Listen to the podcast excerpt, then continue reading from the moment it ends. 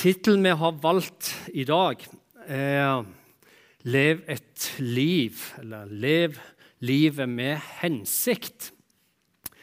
Og Noe av grunnen til at vi har valgt denne tittelen, er fordi jeg tror at altfor mange mennesker i dag Altfor mange mennesker de lever livet sine. De går på skole, de går på jobb, de bidrar med barna sine. De er gode samfunnsborgere, de gir penger til gode formål og ønsker virkelig å leve gode liv der de betyr noe for andre. Og allikevel, allikevel så tror jeg at altfor mange mennesker går rundt med en eh, følelse av En følelse som kommer, dumper ned i livet med mellomrom. En følelse av at det, det er akkurat som om det er noe som mangler i livet. Og jeg har alt jeg trenger. Jeg har et godt liv. Jeg har mennesker rundt meg som er glad i meg og jeg føler jeg bidrar.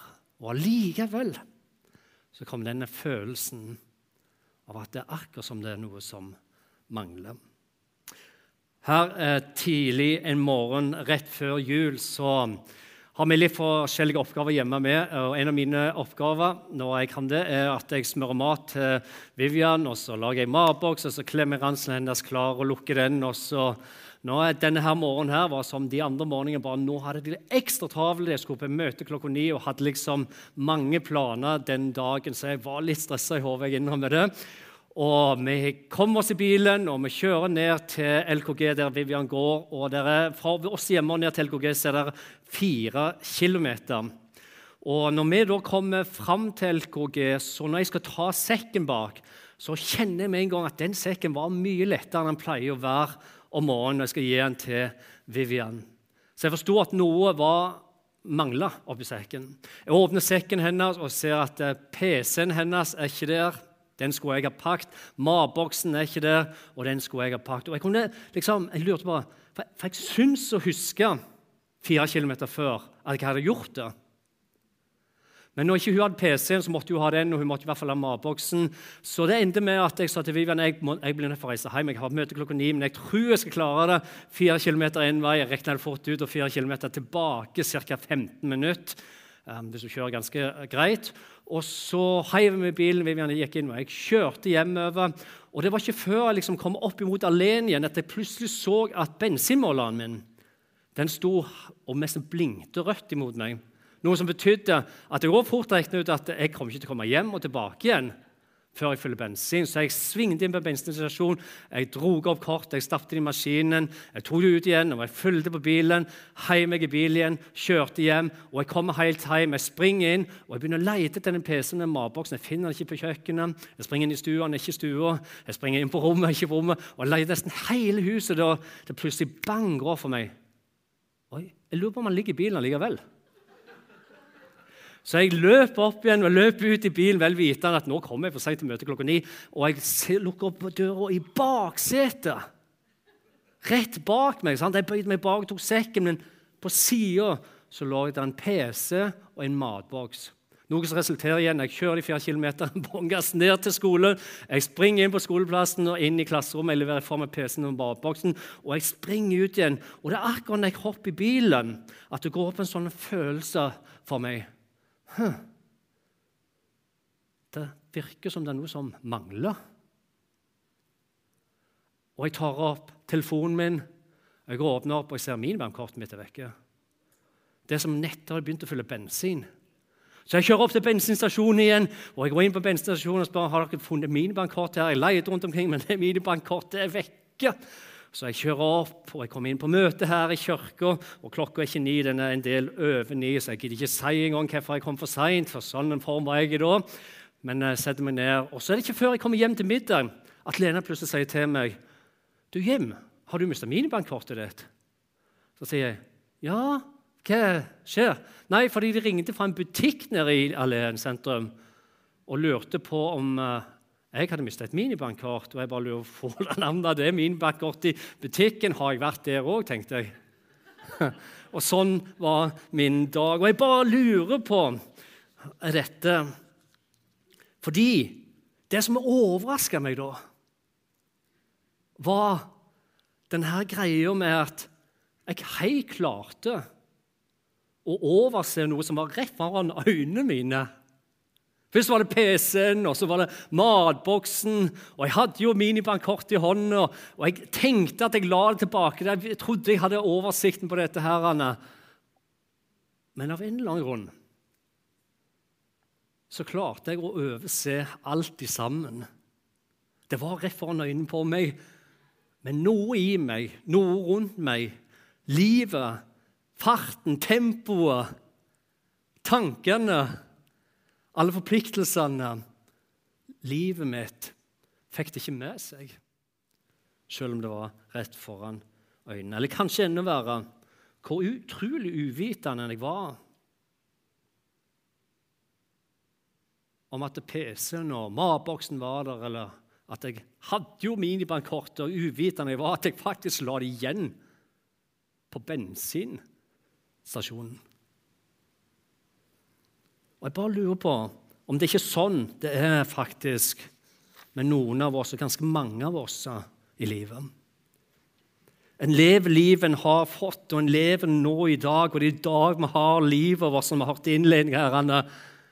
Vi våkner om morgenen, vi gjør vår daglige rutine. Vi sjekker telefonen kanskje, vi leser meldinger. i hvert fall gjør jeg det. Vi sjekker Facebook eller Insta, vi fyller bensin på bilen og vi springer fra den ene dagen til den ene den andre dagen. og Vi lever liksom gjennom dagene våre. Kanskje noen dager er ekstra stressende enn andre. og Vi går på jobben, vi går på skolen, vi fyller opp livet vårt med disse dagene og det dagene bringer med seg. og Noen isolasjon og andre ikke. Noen lager middag hjemme, mens andre springer på trening. og Så blir det kanskje litt TV på kvelden før vi legger oss, og så er vi tilbake på en ny dag. Vi gjør alle disse tingene her som vi gjør, fordi det forventes av oss. Kanskje fordi det er våre egne ønsker og egne drømmer som gjør det. Og vi gjør disse dagene samtidig, kanskje, som vi er helt uvitende om at vi overser Guds hensikt med vår liv. Som ligger rett foran oss hver eneste dag. Paulusen skriver sånn som dette her i FFS-brevet 2, 10, hvor det står dette. For vi Dette er Guds tanker om oss. Det er det Gud ser vi er hans verk. Vi skapte Kristus Jesus til gode gjerninger. Så hvis du skal svare på hvorfor vi er her, og hvordan det står til med oss, hva vi er skapt til, så står det vi er skapt i Kristus Jesus til hva? Til gode gjerninger. Som Gud på forhånd Hva er det Gud har gjort? Han har lagt det ferdig, står det, rett foran oss for at vi skulle kunne vandre i dem. Og det som Paul skriver her, er dette her At Gud har lagt, lagt noe klart. Han har gjort det i stand for oss. Og Grunnen til at det ligger klart for oss og rett foran oss, er fordi det er dette som er meint til å gjøre med livet vårt.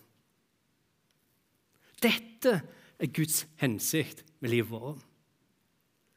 I en engelsk oversettelse så står det istedenfor ordet 'lagt ferdige', så står det ordet 'ordained', som betyr at du og meg, den som er hans verk, den som er skapt i Kristus Jesus, det er alle oss, er ordained, som betyr at vi er ordinert til en hensikt til en oppgave, fått et kall, som kun vi, Jim, du, kan fylle nettopp den hensikten. Ordained. Og I Gamle testamentet og Bibelen, andre Mosebok, kapittel 2, så for ca. 3200 år siden så står det at det går en eldre mann rundt i ørkenen i Midian. Og dette her Midian det er et utrolig varmt sted. Det er et varmt sted som det sola steiger liksom dagen lang. og Han går runde etter runde, så går han rundt der år etter år. Det er nesten som han er i fangenskap når du leser om han. Det meste som om livet hans har stoppet helt opp. og Dette, her, dette er endestasjonen hans. og På mange måter så var det sånn det så ut, fordi han var fanget av fortida si. Han var fri, men allikevel så var han i fengsel. Han var på flukt, og han var motløs, han kanskje mistenksom reservert for nye mennesker. og han hadde grunn til det. Han var redd for de ukjente og de ukjente, og derfor så valgte han å holde avstand. Jo, han var gift, står det. Han hadde familie, og han hadde svigerfamilie. Men allikevel så virker det som om han går med en følelse av Jeg har livet mitt, men det virker som det er noe som mangler. Noe inni sa han til han. Ting er ikke sånn som det skal være. Det er noe som mangler, og mannen vi snakker om i dag, er Moses. Og bare sånn at vi har det med oss med en neste gang. Når du leser Moses i Gamle testamentet, så kan du se at Moses sitt liv fort kan deles opp i tre deler. Tre like store deler på 40 år og 40 år og 40 år. Og Den første delen det handler om faraos hus, og det handler om at Moses han får lov til å leve og vokse opp i rikdommen i, i, under faraos sine vinger. Det var de første 40 årene. De andre 40 åra av liv, nei, Moses' liv er her i Midianørkenen. På flukt. I redsel, kanskje. I skjul, isolasjon. Og Den siste delen av Moses' liv, de siste 40 åra, er vandring med Israelsfolket til løfteslandet. Han var en hebreer-Moses som ble født inn i slaveriet i Egypt. Altså Utgangspunktet var at han var en slave, en hebreer. Som foreldrene, for å redde han for at far skulle ta livet av alle guttebarna Så For å redde Moses så sendte mor og Moses av gårde på Nilen der ned gjennom i en bønn om et håp at man skulle få redde livet til gutten. Og det gjorde han. Fordi fars datter så denne kurven som kom, står det. Hun åpner kurven og løfter opp gutten og tar Moses til seg. Derfor så lever Moses som en egypter de 40 første åra i dynastiet og i rikdom. Og Historien viser videre dette, at han en dag i 40-årene så går han ut og ser på slavene her, og han ser hvor brutal fangevokteren slår og banker opp slavene sine. Og han klarer ikke. Noe inni han sier at dette er ikke greit. Og Stemmen blir sterkere og sterkere helt til en dag han ikke orker å se på lenger, og det ender opp med at han dreper en fangevokter. Noe som igjen gjør at han blir nødt til å flykte ut i ørkenen, Midian. Og hvorfor ørkenen Midian? Jo, fordi hvis det er et sted du ønsker å gjemme deg bort, hvis det er et sted du flykter for livet, og du ønsker avstand og isolasjon, ingen skal orke å finne deg, så er Arkemedia et perfekt sted. Det er varmt, store avstander. De orker ikke å lete etter meg. Det er ingenmannsland der ingen kommer. Du trekker deg tilbake, du fjerner deg fra fellesskapet, slik at ingen kan finne deg nå. Du er folkesky, og du velger å være ute av syne. Du velger å trekke deg vekk. Det er Midianørkenen. Borte.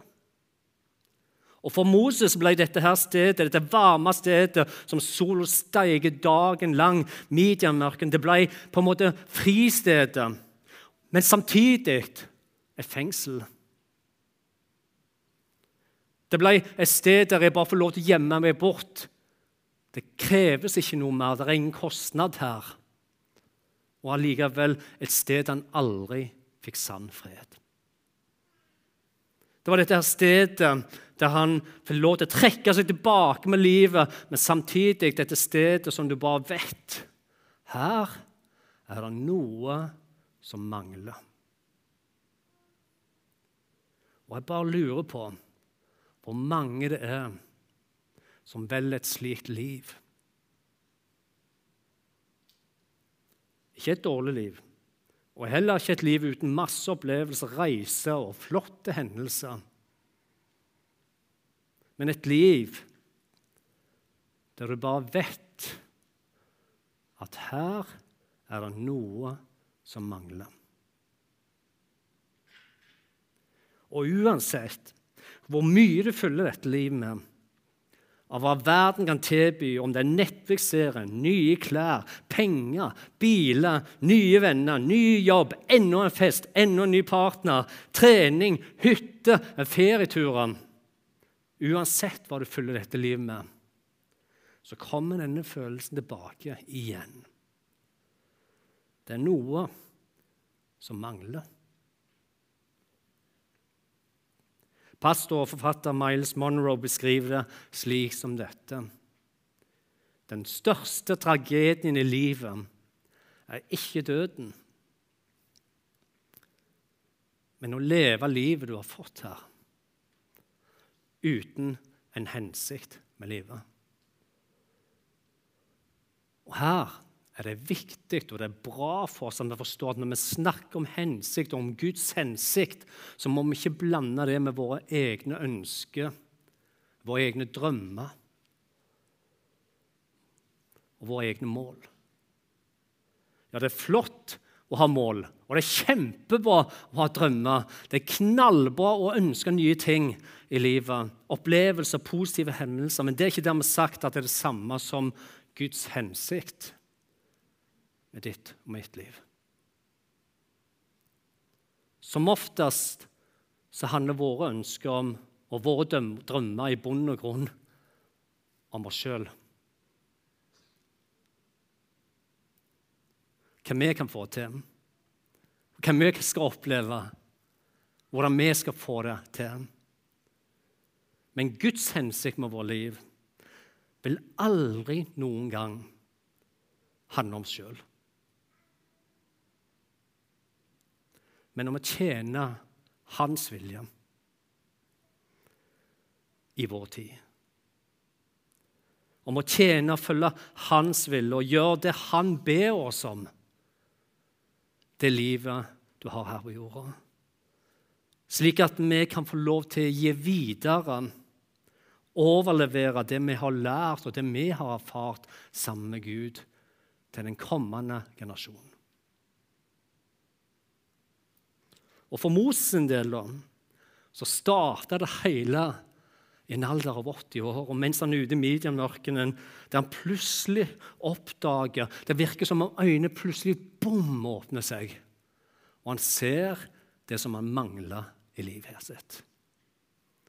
Og Det starter med en busk, og det står dette i 2. Mosebok 3.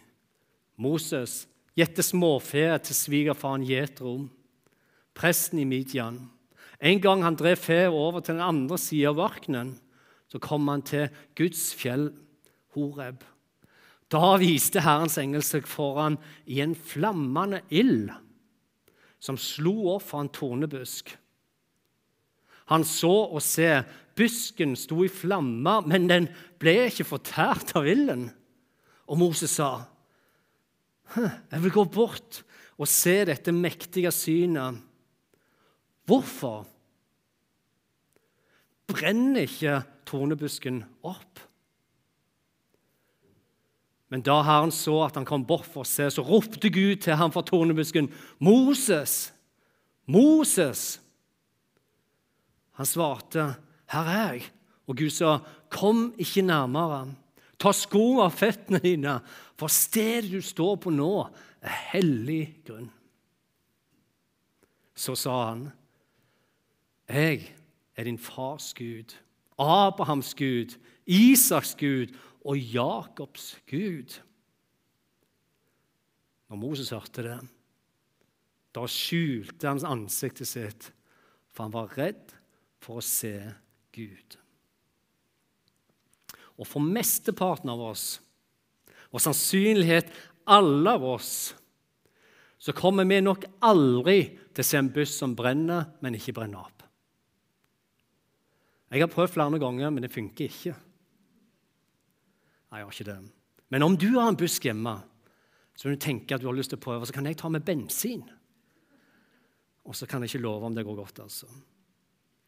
Men for Moses sin del, da, så ble dette møtet her det som endra hele livet hans. Fra å gjemme seg i ørkenen til å leve Guds hensikt med sitt liv. Fra å kun tenke på seg sjøl og leve i frykt til å leve ut det som banker på innsida av hans liv. Fra å føle at noe mangler i sitt liv. Dette går tungt. Dette var ikke sånn som det en gang var. Til å nå føle og kjenne på at han tjener Guds sak, noe som er større enn seg sjøl. Mer enn sine egne drømmer. Mer enn sine egne ambisjoner.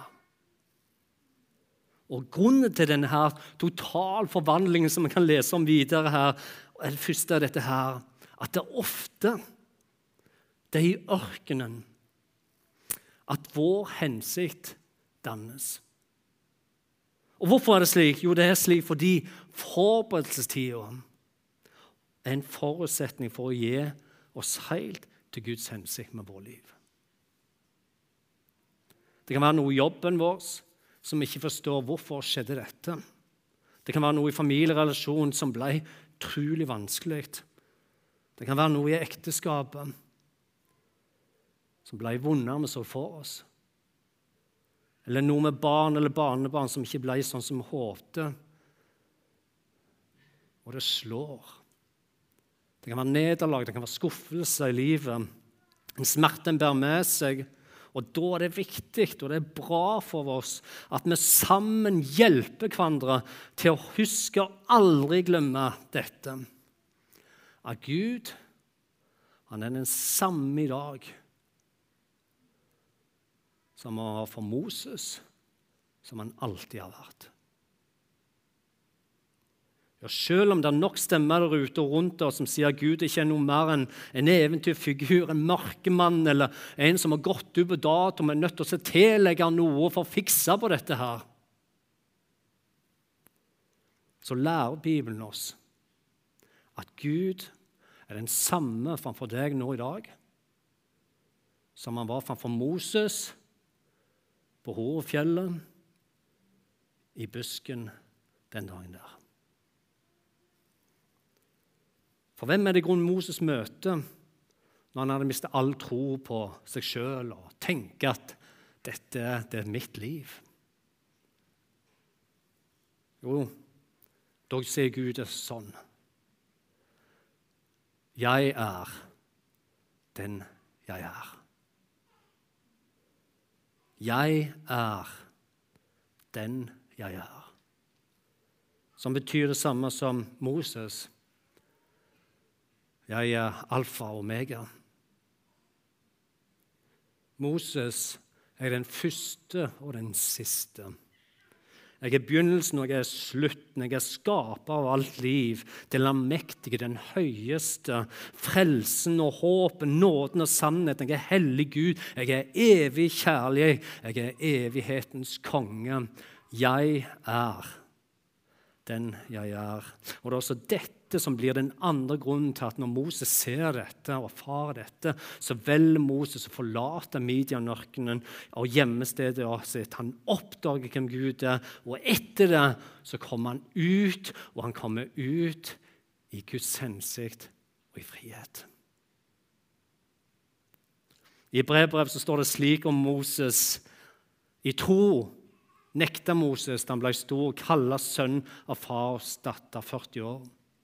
Han vil heller lide ondt sammen med Guds folk enn å nyte synden en kort tid.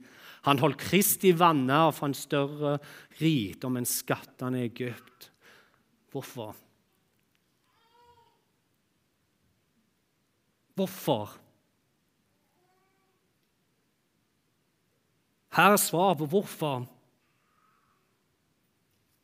Fordi han så en større rikdom Nei, for han så fram til lønnen derfor. I tro forlot han Egypt uten å frykte kongens vrede. Han holdt ut for det som var som om han så den usynlige. Så hva brenner du for? Eller hva er det du bare ikke klarer å se på, og du kjenner det slår liksom i magen? Eller hvem kjenner du er viktig for deg? Er det ungdommen? Er det barn? Er det de fattige? De utstøtte? De tilsidesatte? Flyktningene?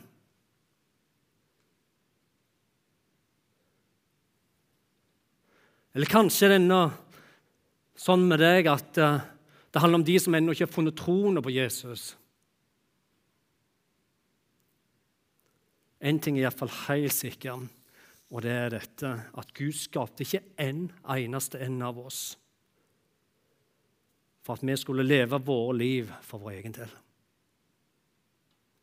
Leve våre liv etter våre egne ønsker, drømmer og mål. Det var ikke målet.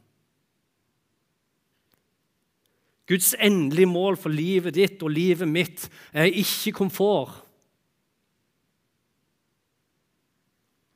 men å utvikle din og min karakter slik at vi søker hans hensikt, vil hans hensikt, er villige til å stå i hans hensikt. John Maxwell, som er pastor, han er kjent forfatter, han skriver det sånn som dette her. At det er først når du finner ditt hvorfor Først når du finner svar på hvorfor du finner din vei. Hvorfor? Hvorfor lever jeg her? Hvorfor er du egentlig her på jorda?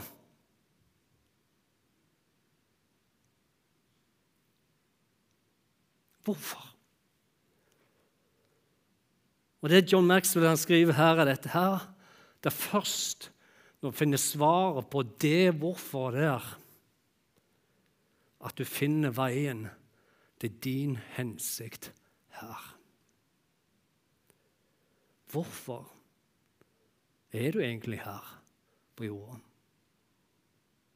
Var det for å bygge ditt eget rike, komfort, eller var det for å trekke tilbake i ørkenen og bli værende der? Hvorfor er du egentlig her? Det finnes et dansk ordspråk som sier det sånn som dette her. At det du er, er Guds gave til deg. Det du gjør med deg selv, er din gave til Gud. Du ser det at tingene er den, og dessverre så er det sånn at det fins de som velger å gå gjennom et helt liv med en følelse av det er noe som mangler. Ja, jeg har kanskje alt jeg trodde jeg kunne få. Jeg fulgte livet mitt med opplevelser, jeg fulgte livet mitt med gode ting. Og likevel Det er noe som mangler. Hvor er freden? Hvor er roen?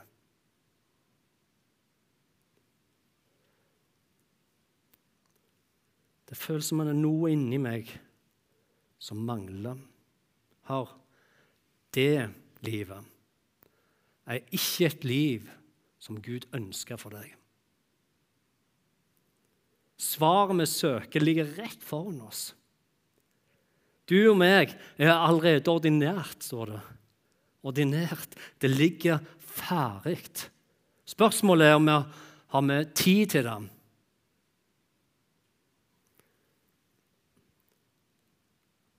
Om vi ønsker å se det, eller om vi velger å overse det. Er vi villige til å gjøre noe med det, slik at vi vandrer Guds hensikt med våre liv nå i dag? Dette som Han har lagt for oss, mulighetene som han legger foran oss hver eneste dag. Slik at vi kan få speile hvem han er. Er de vi har rundt oss. Andre Timoteus brev sier sånn som dette her. Derfor så vil jeg minne deg om dette. La Guds nådegave i deg flamme opp på noe nytt, står det. Med andre ord, det har vært ble borte, og så på nytt. For Gud ga oss ikke en ånd som gjør motløs. Nei, vi fikk ånd som gir kraft og kjærlighet og visdom. Skam deg da ikke over vitnesbyrdet om vår Herre, men vær en som bærer lidelsen. For evangeliet. Du også, i den kraft Gud gir. Og så står det videre fordi han har frelst oss, han har kalt oss med hva da? Med et hellig kall. Ikke pga. våre gjerninger, det handler ikke om oss, dette. Nei, vi har fått et hellig kall etter sin egen vilje og nåde, står det, som er gitt oss i Kristus Jesus fra evighet av. Og Nå vet jeg ikke hvordan det er med deg, eller hvordan det er med ditt liv i det hele tatt. Men kanskje er du der at du gjenkjenner Moses' ørkenvandring akkurat nå. Livet er overraska, stormen den kom. Eller følelsen ble bare borte. Brannen, visjonen, iveren, gleden Det er ikke sånn som det en gang var. Så når du hører om Moses som valgte å trekke seg ut og bli borte i Midian-ørkenen Holde avstand, ha kontrollen Så kjenner du at dette, det treffer meg. Det er meg, det.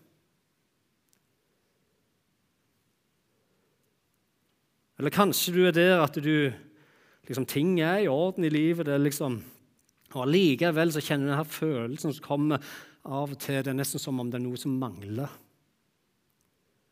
Følelsen av noe vesentlig, noe viktig. Det, det er ikke til stede. Og, og, du følger dagene, det er tempo, du følger strømmen, og det er masse som skjer.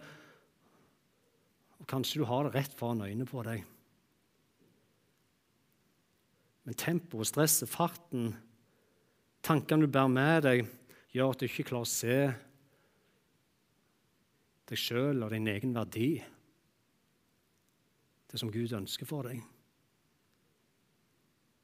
Vi skal slutte av nå, og så skal vi be sammen helt til slutt.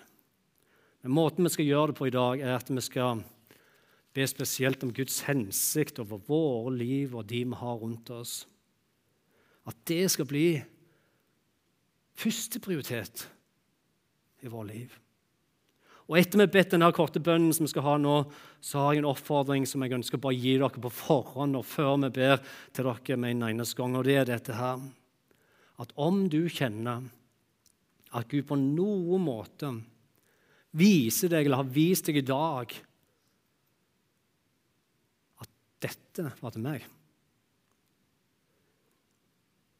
Så er min oppfordring til deg etter vi har bedt. Vær våken i dag og de neste kommende dagene. Følg med og vær modig.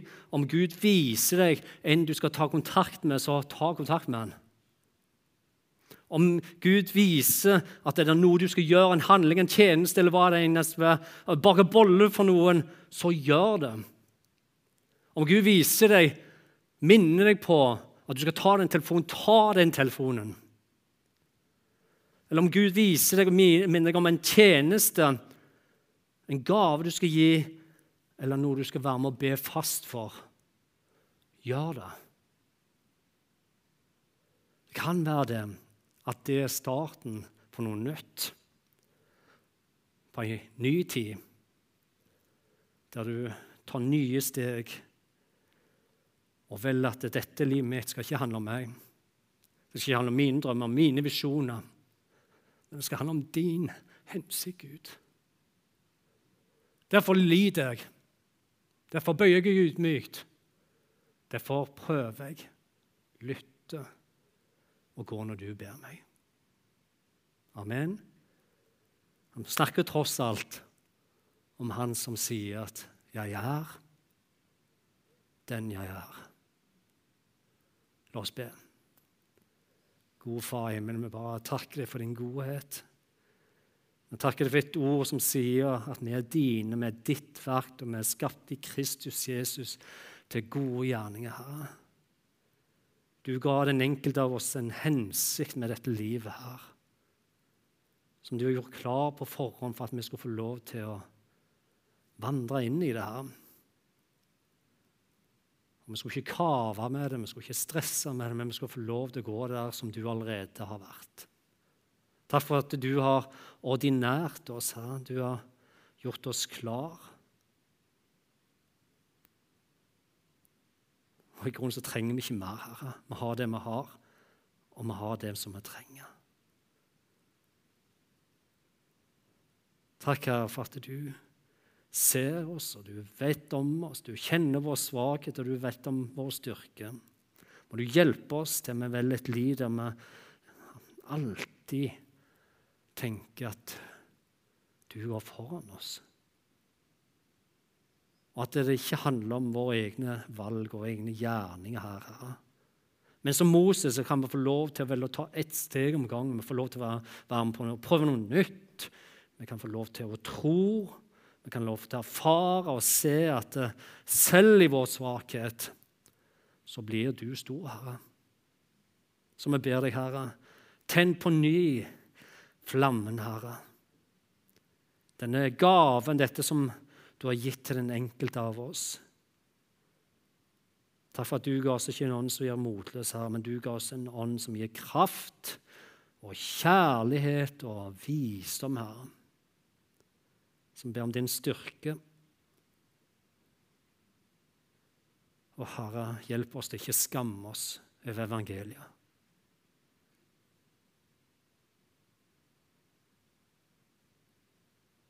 ved vitnesbyrd og historien om deg, Herre.